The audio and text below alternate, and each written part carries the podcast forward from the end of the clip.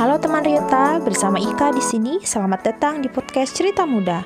Pada podcast Cerita Muda, kamu akan menemukan dan mendengarkan pengalaman dari narasumber yang memiliki semangat muda, mereka-mereka yang berani keluar dari zona nyamannya untuk mengembangkan diri baik melalui perolehan beasiswa, menjadi seorang entrepreneur, aktivis sosial, ataupun bekerja di luar negeri.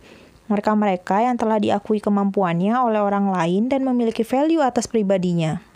Jangan lupa untuk berlangganan ya, Cerita Muda akan berusaha untuk menghadirkan narasumber yang dapat menginspirasi teman-teman menjawab keingintahuan, keresahan, dan kebingungan teman Ryota dalam merencanakan tujuan masa depan atau kamu-kamu yang ingin keluar dari zona nyamannya. Semangat terus ya teman Ryota di podcast Cerita Muda ini. Semangat muda, cerita muda milik kita. Untuk itu, ikuti terus perkembangan cerita muda ya. Yuk saksikan cerita muda di episode selanjutnya. Terima kasih.